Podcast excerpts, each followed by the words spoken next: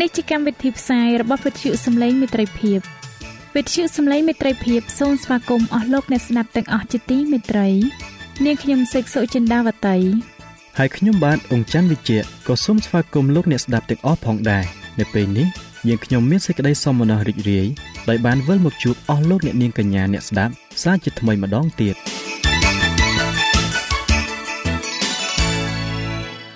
នាងខ្ញុំសេកសុចិន្តាវតី សូមជម្រាបជូនកម្មវិធីផ្សាយដែលមានជាបន្តបន្ទាប់ដូចតទៅនេតិបទទំនាយនិងប្រវត្តិសាស្ត្រនេតិស្ពានជីវិត ចា៎លោកអ្នកស្ដាប់ជាទីមេត្រី នាងខ្ញុំសូមគោរពអញ្ជើញអស់លោកលោកស្រី អ្នកនាងកញ្ញាតាមដានស្ដាប់កម្មវិធីផ្សាយរបស់វិទ្យុយើងខ្ញុំដូចតទៅ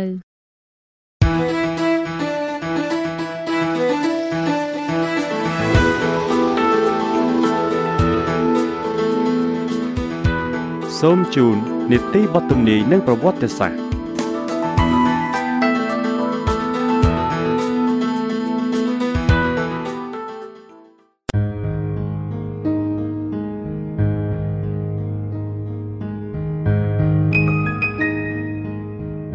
ខ្ញុំបាទសូមជម្រាបសួរដល់អស់លោកលោកស្រីនិងប្រិយមិត្តអ្នកស្ដាប់វិទ្យុសំឡេងត្រីភិបជាទីមេត្រីសូមឲ្យលោកអ្នកបានប្រកបដោយព្រះគុណនិងសេចក្តីសុខសាន្តតាមរយៈមេរៀននៅថ្ងៃនេះ។ បាទនៅគ្រាចុងក្រោយមុននឹងព្រះគ្រីស្ទយើងត្រឡប់មកវិញពេលនោះនឹងមានការភ្ញាក់រលឹកឡើងវិញយ៉ាងសម្បើមនៅក្នុងការវិលត្រឡប់មករក្សាថ្ងៃបរិសុទ្ធពិតប្រកបរបស់ព្រះវិញដោយពួកគេដឹងថាក្រឹតវិន័យពិតប្រកបរបស់ព្រះបានផ្ដល់សេរីភាពដល់ពួកគេតើក្រឹតវិន័យរបស់ព្រះបានផ្ដល់សេរីភាពដល់របៀបណាដល់អ្នកដែលកាន់តាម បាទដូច្នេះសូមលោកអ្នកតាមដានស្ដាប់ជំពូកទី27ភាគ1ជាមួយនឹងខ្ញុំបាទដូចតទៅ នៅទីណាដែលគេផ្សាយព្រះបន្ទូលរបស់ព្រះដោយស្វាហាប់នោះឃើញថាបានទទួលលទ្ធផលជាលំដាប់បង្ហាញឲ្យឃើញពីដែនកំណើតដ៏ពិសិដ្ឋអំពីការផ្សាយនេះអ្នកមានបាបបានគិតថាសតិសម្បជញ្ញៈរបស់ខ្លួនបានភ្លឺជ្រះថ្លា ការយល់ដឹងដ៏ច្បាស់បានដិតដាមជាប់នៅក្នុងចិត្តគំនិតរបស់គេ ពួកគេដូចជាមានភាពសុចរិតរបស់ព្រះ ហើយក៏ស្រែកឡើងថាតើអ្នកណាអាចនឹងជួយខ្ញុំឲ្យរួចពីទូសេចក្តីស្លាប់នេះបានរ៉ូមជំពូកទី7ខ24 នៅពេលដែលគេឃើញឈើឆ្កាង គេបានយល់ថា មានតែគុណសម្បត្តិរបស់ព្រះគ្រីស្ទទេ ដែលអាចនឹងលួសអំពើបាបល្មើសរបស់គេបាន គេបានទទួលការលើកលែងទោសដែលបានប្រព្រឹត្តកន្លងមកហើយដោយសារតែលហិតរបស់ព្រះគ្រីស្ទរ៉ូមជំពូកទី3ខ25ជនទាំងនេះ បានជឿហើយបានទទួលបុណ្យជ្រមុជទឹកព្រមទាំងបានងើបឡើងវិញ ដើម្បីដើរនៅក្នុងជីវិតថ្មី ដោយជំនឿរបស់ព្រះបុត្រានៃព្រះ គេបានដើរតាមជំហានរបស់ទ្រង់យកចរិតលក្ខណៈរបស់ទ្រង់មកធ្វើជាគំរូរបស់ខ្លួនព្រមទាំងធ្វើឲ្យខ្លួនបានបរិសុទ្ធដូចជាទ្រង់ដែរអ្វីអ្វីដែលគេធ្លាប់ស្អប់ឥឡូវគេស្រឡាញ់ហើយអ្វីដែលគេធ្លាប់ស្រឡាញ់បែរជាស្អប់ទៅវិញអ្នកមានរិទ្ធខ្ពស់ទៅជាសុភាពមនុស្សឥតប្រយោជន៍និងកោកាចនឹងទៅជានឹងណោហើយលែងក្អេងក្អាងវិញ អ្នកប្រមឹកបានคลายទៅជាបាត់ស្រវឹងអ្នកឥតសិលធម៌បានคลายទៅជាបរិសុទ្ធអ្នកគ្រីស្ទៀន គេពុំរវល់នឹងការតាក់តែងខ្លួន ដោយបែបខាងក្រៅ ដូចជាក្រងសក់ពាកមាសឬសម្លៀកបំពាក់ថ្លៃថ្លៃនោះឡើយ តែគេពាកដោយគ្រឿងដ៏មិនចេះពុករលួយរបស់ព្រះវិញ្ញាណសម្លូតហើយរំទុំនោះឯងជាសេចក្តី មានតម្លៃដ៏វិសេសនៅចំពោះព្រះពេត្រុសទី1ចំពុកទី3ខ3និងខ4ការភ្ញាក់រលឹកឡើងវិញ គឺបានសម្គាល់ដោយការអង្វរកយ៉ាងអស់អំពីចិត្ត ទៅដល់អ្នកមានបាបលទ្ធផលគឺបានឃើញ នៅក្នុងអ្នកដែលមិនរុញរាចំពោះការលះបង់ខ្លួន ហើយបានអសប្បាយព្រោះគេបានរាប់ជាសំប្រសើរដើម្បីរងទុកសម្រាប់ព្រះគ្រីស្ទមនុស្សបានឃើញការផ្លាស់ប្ដូរនៅក្នុងអ្នកដែលកាន់ជឿដល់ព្រះនាមព្រះយេស៊ូវនេះគឺជាលទ្ធផលនៅក្នុងឆ្នាំមុនមុនបន្ទាប់ពីរដូវនៃការភ្ញាក់រលឹកខាងព្រលឹងវិញ្ញាណមកប៉ុន្តែការភ្ញាក់រលឹកឡើងវិញនៅសម័យបច្ចុប្បន្ននេះបង្ហាញអំពីការផ្ទុយគ្នាយ៉ាងស្រឡះ ជាការពិតណាស់ដែលមានភិកច្រើន បានផ្លាស់ប្រែគំនិតហើយមានកំណើនយ៉ាងច្រើននៅក្នុងព្រះវិហារតែទោះជាយ៉ាងណាក៏ដោយលទ្ធផលនេះមិនមែនបង្ហាញឲ្យឃើញថា មានការរីកចម្រើនខាងប្រលឹងវិញ្ញាណនោះទេពន្លឺដែលឆេះឆួលក្នុងមួយរយៈពេលបន្តិចទៀតនឹងរលត់បាត់ទៅវិញ ការភ្ញាក់រលឹកឡើងវិញល្បីល្បី តែងតែរំជួលមនុស្សចេតនាហើយបំពន់សេចក្តីត្រេកត្រអាលចំពោះអ្វីដែលថ្មីហើយអស្ចារ្យ ដូច្នេះអ្នកដែលទើនឹងជឿមានបំណងស្ដួយស្ដាងណាស់ក្នុងការចង់ស្ដាប់សេចក្តីពិតនៅក្នុងព្រះគម្ពីរបើសាសនកិច្ចនោះគ្មានអ្វីដើម្បីបណ្ដេតអារម្មណ៍ទេ នោះគេមិនរវីរវល់ឡើយចំពោះអ្នកដែលបានកែប្រែចិត្តគំនិតច្បាស់លាស់វិញ ការប្រស្រ័យជាមួយនឹងព្រះនិងរឿងរ៉ាវស្ដីអំពីអនន្តរភាពនឹងបានជាមេរៀនដ៏ធំដល់ជីវិតចុះតើការឧទ្ទិសពិតប្រកបដល់ព្រះ នៅក្នុងព្រះវិហារល្បីល្បីនាពេលសប្តាហ៍នេះ តើនៅឯណា អ្នកប្រែចិត្តទាំងឡាយពុំបានលះបង់រឹកឆ្មាំងឆ្មៃនិងសេចក្តីត្រេកត្រអាលនៃលោកីទេ គេពុំមានចិត្តចង់លះបង់ខ្លួន ដើម្បីដើរតាមព្រះយេស៊ូវដ៏ស្លូតស្រទន់ដោយកាលដែលគេមិនប្រែចិត្តនោះដែរកិរិយាថ្លៃថ្នូររបស់ព្រះស្ទើរតែឃ្លាតចេញពីវិហារភិច្រើនទៅហើយទោះបីជាការរៀបថយនៃជំនឿវារៀលដាលឡើងក៏ដោយក៏នៅតែមានគ្រីស្ទបរិស័ទពិតប្រាកដនៅក្នុងព្រះវិហារទាំងនោះដែរ មុននឹងសេចក្តីជំនុំជម្រះចុងក្រោយរបស់ព្រះមកដល់នឹងមានការភ្ញាក់រលឹកឡើងវិញ នៅភាពមានព្រះនៅក្នុងខ្លួន ដែលទៅតែកើតឡើងនៅក្នុងចំណោមរះរបស់ព្រះអម្ចាស់ដោយពុំដែលឃើញតាំងពីពីចំនួនសាវកមកព្រះវិញ្ញាណរបស់ព្រះនឹងត្រូវបានបង្អុរមកភិកច្រើននឹងញែកខ្លួនចេញពីព្រះវិហារដែលស្រឡាញ់លោកីជាជាងព្រះនិងព្រះបន្ទូលរបស់ទ្រង់គ្រូកងវិលនិងប្រជាជនភិកច្រើនរីករាយនឹងទទួលសេចក្តីពិតដ៏អស្ចារ្យនោះដែលនឹងរៀបចំមនុស្ស សម្រាប់ការយាងមកជាលើកទី2របស់ព្រះអម្ចាស់សត្រូវនៃមនុស្សជាតិខិតខំរំខានកិច្ចការនេះខ្លាំងណាស់ហើយមុនពេលដែលចលនានេះមកដល់វានឹងព្យាយាមបង្ការមិនឲ្យកើតឡើងបាន ដោយប្រើការក្លែងបន្លំគ្រប់វិធី ក្នុងព្រះវិហារទាំងនោះដែលវាក្តោបក្តាប់វានឹងធ្វើឲ្យមើលទៅហាក់ដូចជាព្រះពររបស់ព្រះ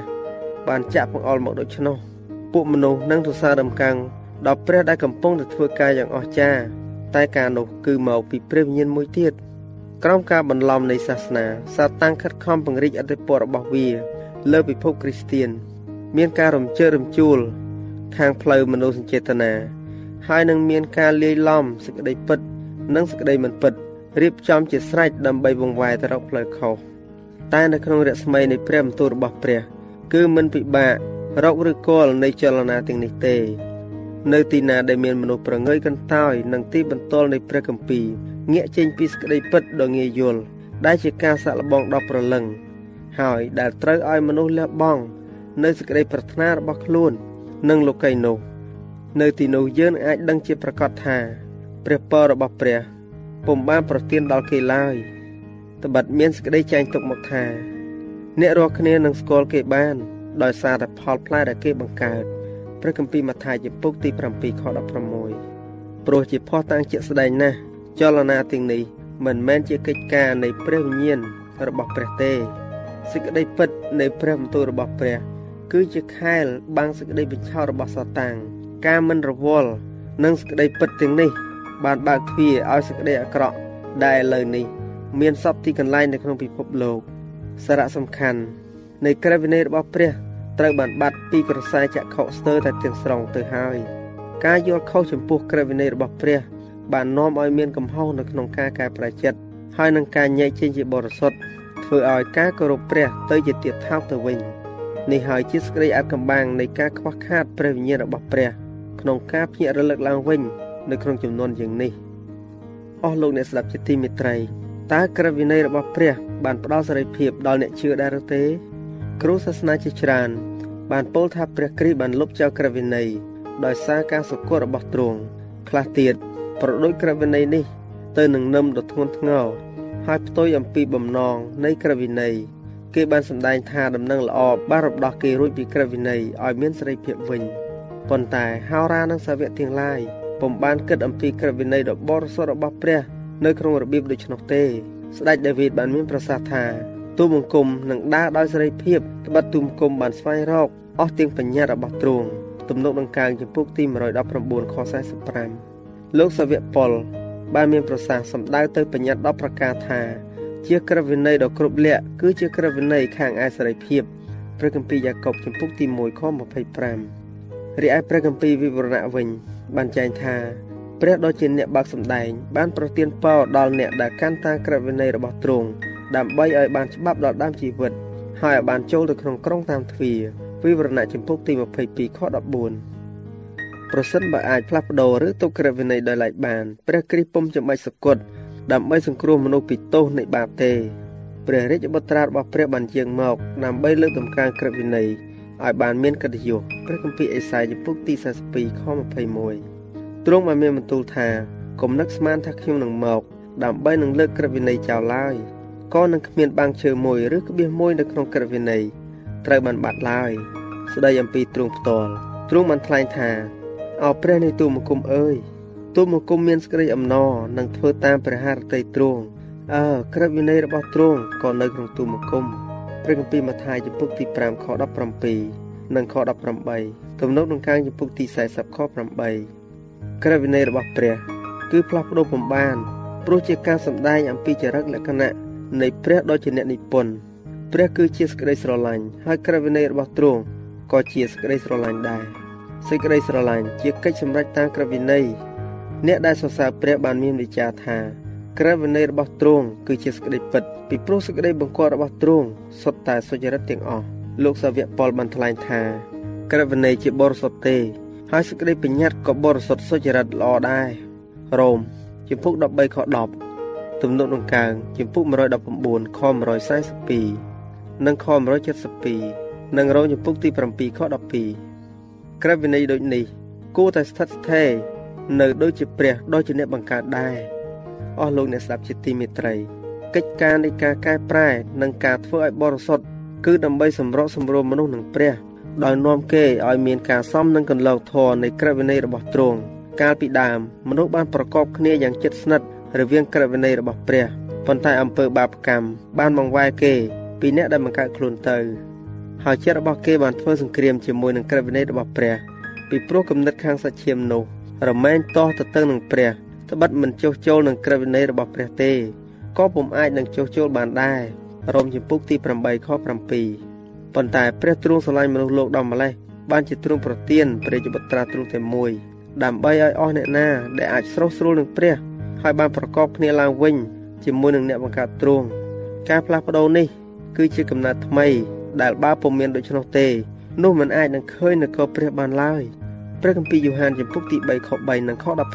16បាទអស់លោកអ្នកស្ដាប់ជាទីមេត្រីក្រោយពីមនុស្សម្នាក់បានទទួលយកព្រះជាព្រះអង្គសង្គ្រោះហើយនោះគេដឹងថាខ្លួនគេជាមនុស្សមានបាបជំហានទី1នៅក្នុងការស្រស់ស្រួលនឹងព្រះ គឺត្រូវដឹងថាខ្លួនមានបាប អំពើបាបជាការរំលងក្រឹតវិន័យ ក្រឹតវិន័យគ្រាន់តែសម្ដែងឲ្យស្គាល់អំពើបាបយូហានទី1ចំពុកទី3ខ4រ៉ូមចំពុកទី3ខ20បាទអំពើបាបជាការរំលងក្រឹតវិន័យហើយក្រឹតវិន័យគ្រាន់តែសម្ដែងឲ្យស្គាល់អំពើបាបតែប៉ុណ្ណោះប៉ុន្តែក្រឹតវិន័យមិនអាចសម្អាតអំពើបាបរបស់លោកអ្នកបានទេមានតែព្រះលិហិតរបស់ព្រះគ្រីស្ទតែប៉ុណ្ណោះទើបអាចលាងសម្អាតអំពើបាបរបស់លោកអ្នកឲ្យសស្គូសដូចជាព្រិលបាន ហើយដើម្បីឲ្យឃើញកំហុសរបស់ខ្លួនអ្នកមានបាបត្រូវឆ្លោះចិត្តរបស់ខ្លួន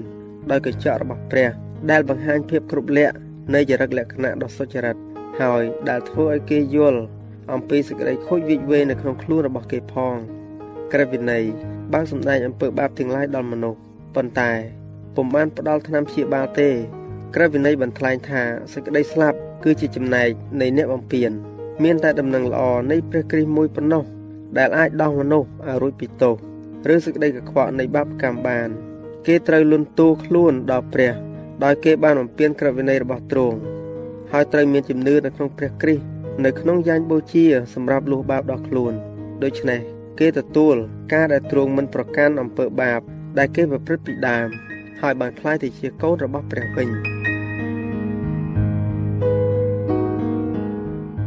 ចា៎ដោយពេលវេលាមានកំណត់យើងខ្ញុំសូមផ្អាកនីតិបទទំនាយនិងប្រវត្តិសាស្ត្រ ត្រឹមតែប៉ុណ្ណឹងសិនចុះដោយសន្យាថានឹងលើកយកនីតិនេះមកជម្រាបជូនជាបន្តទៀតនៅថ្ងៃអង្គារសប្តាហ៍ក្រោយ សូមអរគុណ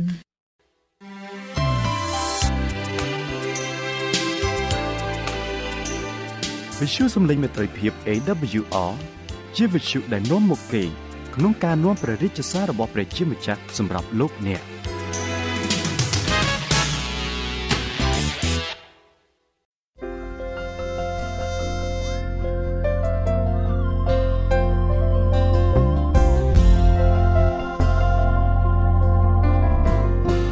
សូមជម្រាបសួរអស់លោកអ្នកស្ដាប់ជាទីមេត្រី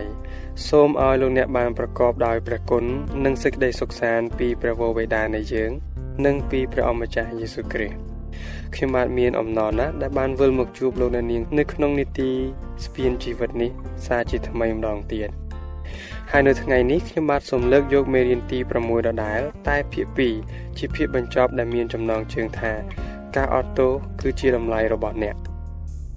បាទ កាលពីភាគមុនខ្ញុំបាទបានជម្រាបជូនពីចំណុចរួចមកហើយគឺចំណុចទី1កនិងចំណុចទី2ខដែលនិយាយពីការអត់ទោសរបស់ព្រះ នៅពេលនេះខ្ញុំបាទសូមជម្រាបជូននៅចំណុចទី2គោវិញម្ដងដូច្នេះខ្ញុំបាទសូមគោរពអញ្ជើញលោកអ្នកតាមដានស្ដាប់មេរៀនទី6ភាគទី2ជាភាគបញ្ចប់នេះជាមួយខ្ញុំបាទដូចតទៅចំណុចទី2គោទទួលសិទ្ធិជាកូនសារជាថ្មីឪពុកបានឲ្យទៅកូនពៅ នៅអាវយ៉ាងស្អាតមួយ និងចិញ្ចៀនមួយវងដែលបង្ហាញថាគាត់បានប្រគល់អំណាចជាកូនប្រុសដល់វាវិញ និងស្បែកជើងមួយគូ ហើយក៏រៀបចំពិធីជប់លៀងឲ្យវាការនេះក៏ដូចគ្នានឹងការដែលព្រះទ្រង់សម្ដែងការអត់អន់ទោសឲ្យយើងរាល់គ្នាបានរួចខ្លួនដែរគឺទ្រង់ឲ្យយើងសម្រាក ទ្រង់បានប្រទានជីវិតថ្មីដល់យើង និងផ្ដល់ឲ្យយើងមានអំណាចលើអំពើបាបព្រះគម្ពីរសម្ដែងថាស្ថានសួគ៌នឹងមានអំណរដូចជាពិធីជប់លៀងកាលណាមានអ្នកណាម្នាក់ទៅឲ្យព្រះដោយការលន់តួបាបយើងជាមនុស្សមានបាប យើងមិនសមជាកូនរបស់ព្រះទេ តែទ្រង់បានប្រទានឋានៈនេះដល់យើងដោយប្រទានចិត្តថ្មីដែលល្អហើយអាចឈ្នះលើអំពើអាក្រក់ទាំងឡាយបានតើយើងត្រូវធ្វើអ្វីខ្លះ មិនខុសពីកូនពៅវង្វេងទេគ្រាន់តែត្រឡប់មករកព្រះវិញហើយទទួលការអត់អន់ទោសពីទ្រង់ដោយកូនពៅទទួលអាវចិញ្ចៀនស្បែកជើង និងវិធីជប់លៀងដូច្នោះដែរក្រោយពីព្រះបានអត់ទោសឲ្យយើងហើយ យើងនឹងមានចិត្តថ្មីដូចជាការទុកចិត្តលើព្រះស្រឡាញ់មនុស្សទូទៅរាប់ទាំងអ្នកដែលយើងធ្លាប់ស្អប់ផងនិងចេះទុកចិត្តដោយមិនស្វែងរកការសប្បាយផ្ទាល់ខ្លួនហេតុមានអ្នកខ្លះមានគំនិតថា គេត្រូវខំធ្វើល្អដើម្បីបានទៅឋានសួគ៌តែគេគ្រាន់តែនិយាយអំពីអំពើល្អប៉ុណ្ណោះតើអំពើល្អនេះអាចនាំគេទៅឋានសួគ៌បានដែរឬទេចំណែកអ្នកជឿព្រះវិញត្រូវដឹងថាអ្នកជាមនុស្សមានបាបទើបត្រូវតែទៅឯព្រះដើម្បីឲ្យទ្រង់កែគេពីមនុស្សអាក្រក់ទៅជាមនុស្សល្អវិញមុននឹងយកទៅឋានសួគ៌ព្រះគម្ពីរអេពេសូជំពូកទី2ខ4ដល់ខ6បានសម្ដែងថា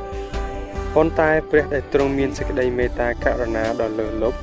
ដោយព្រោះសេចក្តីស្រឡាញ់ជាខ្លាំងដែលទ្រង់មានដល់យើងរាល់គ្នា គឺក្នុងការដែលយើងនៅស្លាប់ក្នុងការរំលងនៅឡើយនោះទ្រង់បានប្រោសឲ្យយើងរាល់គ្នា បានរស់ជាមួយនឹងព្រះគ្រិស្តគឺដោយព្រះគុណដែលអ្នករាល់គ្នាបានសង្គ្រោះហើយទ្រង់បានប្រោសឲ្យយើងរស់ឡើងវិញ គឺឲ្យយើងអង្គុយជាមួយនឹងព្រះគ្រិស្តនៅស្ថានដ៏ខ្ពស់បំផុតដែរបាទចំណុចទី3ចុងក្រោយ និយាយពីគំនិតបុគ្គលនិយមរឿងបងប្អូនទាំងពីរអ្នកខាងលើតើកូនបងចំណែនដោយសារអ្វីគាត់មានការអន់ចិត្តដោយប្អូនរបស់គាត់បានធ្វើអំពើអាក្រក់យ៉ាងច្រើនហើយបែរជាឪពុកទទួលដោយផ្ដល់កិត្តិយសឲ្យលើសគាត់ទៅទៀតតែឪពុកបានបង្ហាញថាកូនគួរតែសប្បាយជំនួសការខឹងដោយប្អូនឯងដែលបានស្លាប់ទៅហើយតែបានរស់មកវិញសពថ្ងៃនេះក៏ដូចគ្នាដែរ នៅពេលដែលអ្នកខ្លះបានឮថាព្រះយេស៊ូវបានអត់ទោសដល់អ្នកមានបាបនោះ គេក៏មិនសប្បាយចិត្តដែរព្រោះគេគិតថាអ្នកធ្វើអាក្រក់ទៅតែទទួលផលអាក្រក់របស់គេ មិនគួរអត់ទោសឲ្យឡើយឬជួនកាលគេមានចិត្តច្រណែនដោយគេបានខំធ្វើល្អដោយបានទាំងចំណាយលុយកាក់អស់ពេលជាយូរមកហើយផងដែរតែព្រះយេស៊ូវបែរជាអត់ទោសឲ្យមនុស្សអាក្រក់ឲ្យល្អដូចគេ ឬជាងគេទៅវិញបានជាគេ បានជាគេថា ការអត់ទោសរបស់ព្រះយេស៊ូវនោះហាក់ដូចជាមិនត្រឹមត្រូវទេប៉ុន្តែយើងគួរចងចាំថាព្រះមិនបានយកចេញនៅលទ្ធផលនៃអំពើបាបទេឧទាហរណ៍ប្រសិនបើមានស្ត្រីម្នាក់បានរត់បាត់ពីផ្ទះទៅតាមបរិសម្នាក់មួយឆ្នាំក្រោយមកនាងបានត្រឡប់មកសុំទោសឪពុកវិញឪពុកអាចអត់អោនទោសឲ្យនាងបានតែលទ្ធផលនៃអំពើបាប គឺកូនដែលនៅក្នុងផ្ទៃនាង ឬគេឈ្មោះអាក្រក់នាងត្រូវតែទទួលដូចគ្នានេះដែរ ព្រះក៏មិនបានដកនៅលទ្ធផលនៃអំពើបាបដែលយើងបានប្រព្រឹត្តនោះទេ តែទ្រង់នឹងការពារយើងមិនឲ្យយើងធ្វើបាបតទៅទៀតដែលនាំឲ្យស្លាប់រហូតនោះឡើយមានគ្រាមួយព្រះយេស៊ូវបាននិទានរឿងមួយអំពីដើមទំពាំងបាយជូរដើម្បីពន្យល់ដល់មនុស្សថា ព្រះមានសេរីភាពនឹងអត់ទោសឲ្យបានខ្ញុំជាដើមទំពាំងបាយជូរដ៏ពិត ហើយព្រះវរបិតាខ្ញុំជាអ្នកដាំអស់ទាំងខ្នែងណាដុះចេញពីខ្ញុំ ដែលមិនបង្កើតផលផ្លែនោះទ្រង់កាត់ចោលតែអស់ទាំងខ្នែងណាដែលបង្កើតផលផ្លែវិញទ្រង់លួសដើម្បីឲ្យបានផលផ្លែជាច្រើនឡើងឯអ្នករាល់គ្នាបានស្អាតហើយដោយសារពាក្យដែលខ្ញុំបានប្រាប់ចូលនៅជាប់នឹងខ្ញុំហើយខ្ញុំនៅជាប់នឹងអ្នករាល់គ្នាចុះប្រៀបដូចជាខ្នែងបើមិននៅជាប់នឹងគល់នោះពុំអាចនឹងបង្កើតផលដោយឯកឯងបានទេដូច្នេះអ្នករាល់គ្នាក៏ពុំបានដែរលើកលែងតែនៅជាប់នឹងខ្ញុំ ប្រសិនបើព្រះចង់បន្តការអត់ទោសឲ្យយើងនោះ គឺជាសិទ្ធិរបស់ទ្រង់តែទ្រង់ចង់ឲ្យយើងនៅជាប់នឹងទ្រង់ហើយបង្កើតផលផ្លែជាច្រើន គឺនាំមនុស្សដទៃឲ្យទទួលការអត់ទោសពីទ្រង់ដូច្នេះយើងគួរតែដឹងគុណដល់ទ្រង់ព្រោះយើងត្រូវស្លាប់តែទ្រង់បានអត់ទោសឲ្យរួចជីវិតវិញប្រសិនបើលោកអ្នកពុំទាន់បានសម្រេចចិត្តត្រឡប់មករកទ្រង់និងទទួលជីវិតថ្មីពីទ្រង់ទេ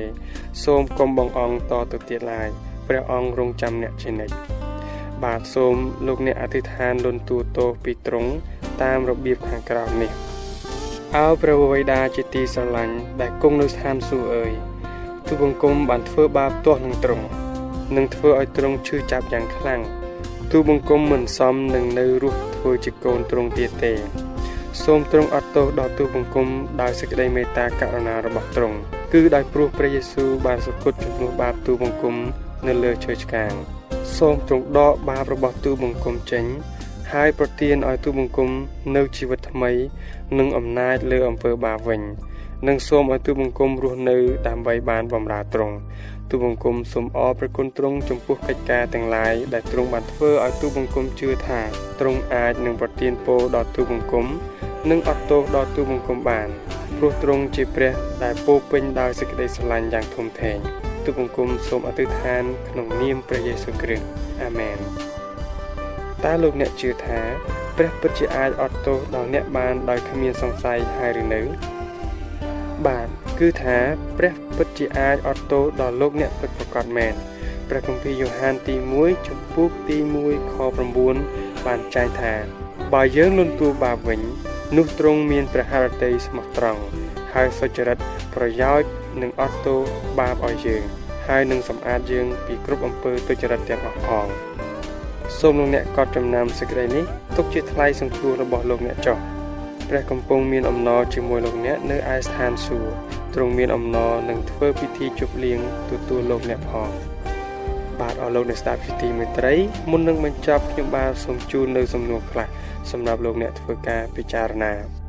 សំណួរទី1 ហេតុអ្វីក៏ឪពុកព្រមចែកទ្រព្យសម្បត្តិឲ្យកូនពៅទៅតាមពាក្យស្នើសុំ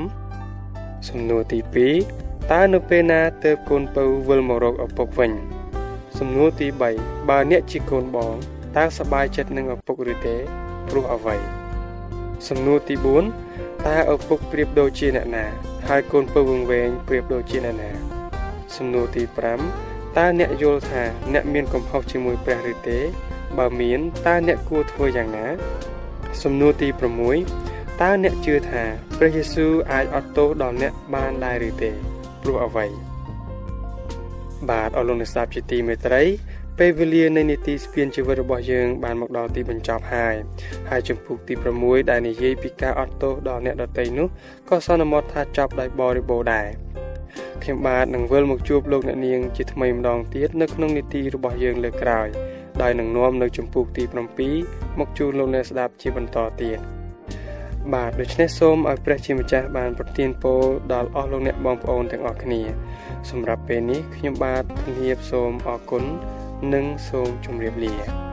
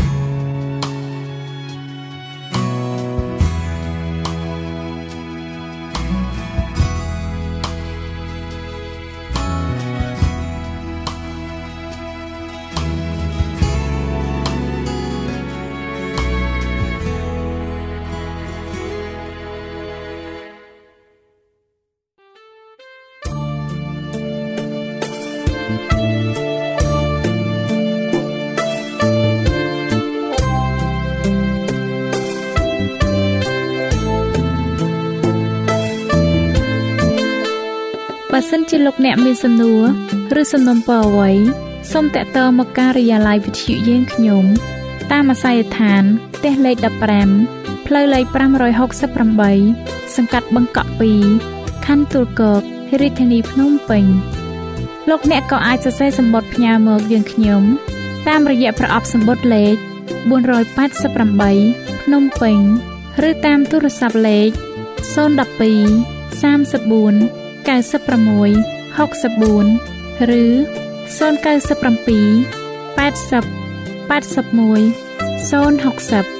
ឬក៏តាមរយៈអ៊ីមែល vol@awr.org យើងខ្ញុំរងចាំទទួលស្វាគមន៍អស់លោកអ្នកនាងដោយក្តីសោមនស្សរីករាយហើយលោកអ្នកក៏អាចស្ដាប់កម្មវិធីនេះឡើងវិញដោយចូលទៅកាន់ website របស់វិទ្យុយើងខ្ញុំ តាមរយៈអាស័យដ្ឋាន www.awr.org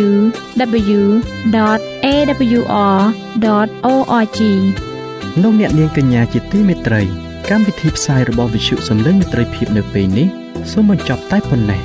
យើងខ្ញុំសូមអរគុណចំពោះការតាមដានស្ដាប់របស់អស់លោកអ្នកតាំងពីដើមរហូតដល់ចប់យើងខ្ញុំសូមជូនពរឲ្យអស់លោកអ្នកនាងកញ្ញាទាំងអស់បានចម្រើនឡើងក្នុងព្រះគុណព្រះអង្គម្ចាស់ ហើយក្នុងការទទួលយកព្រះយេស៊ូវគ្រីស្ទជាព្រះអង្គម្ចាស់និងជាព្រះអង្គសង្គ្រោះនៃយើងរាល់គ្នានាទីផ្សាយរបស់វិទ្យុយើងខ្ញុំនឹងវិលមកជួបអស់លោកអ្នកសាជាថ្មីម្ដងទៀតនៅថ្ងៃស្អែកវេលាម៉ោងដដែលនាងខ្ញុំសេកសុចិន្តាវតីនិងខ្ញុំបាទអ៊ំច័ន្ទវិជ្ជៈសូមអរគុណសូមជម្រាបលា